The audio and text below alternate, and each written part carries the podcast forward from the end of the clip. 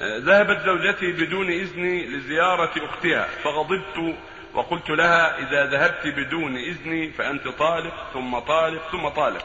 وبعد فترة ذهبت مع أهلها وأنا غير موجود فهل يقع الطلاق؟ والآن أريد أن أتحلل هل علي كفارة أم ماذا أفعل؟ هذا يختلف إذا كنت قلت هذا لمنعها ما قصدت الطلاق إنما قصدت منعها وتخويفها هذا يمين هذه كفارة اليمين. إذا ذهبت بغير إذنك.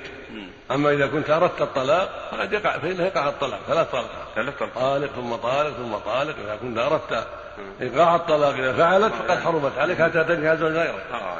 نسأل الله السلامة.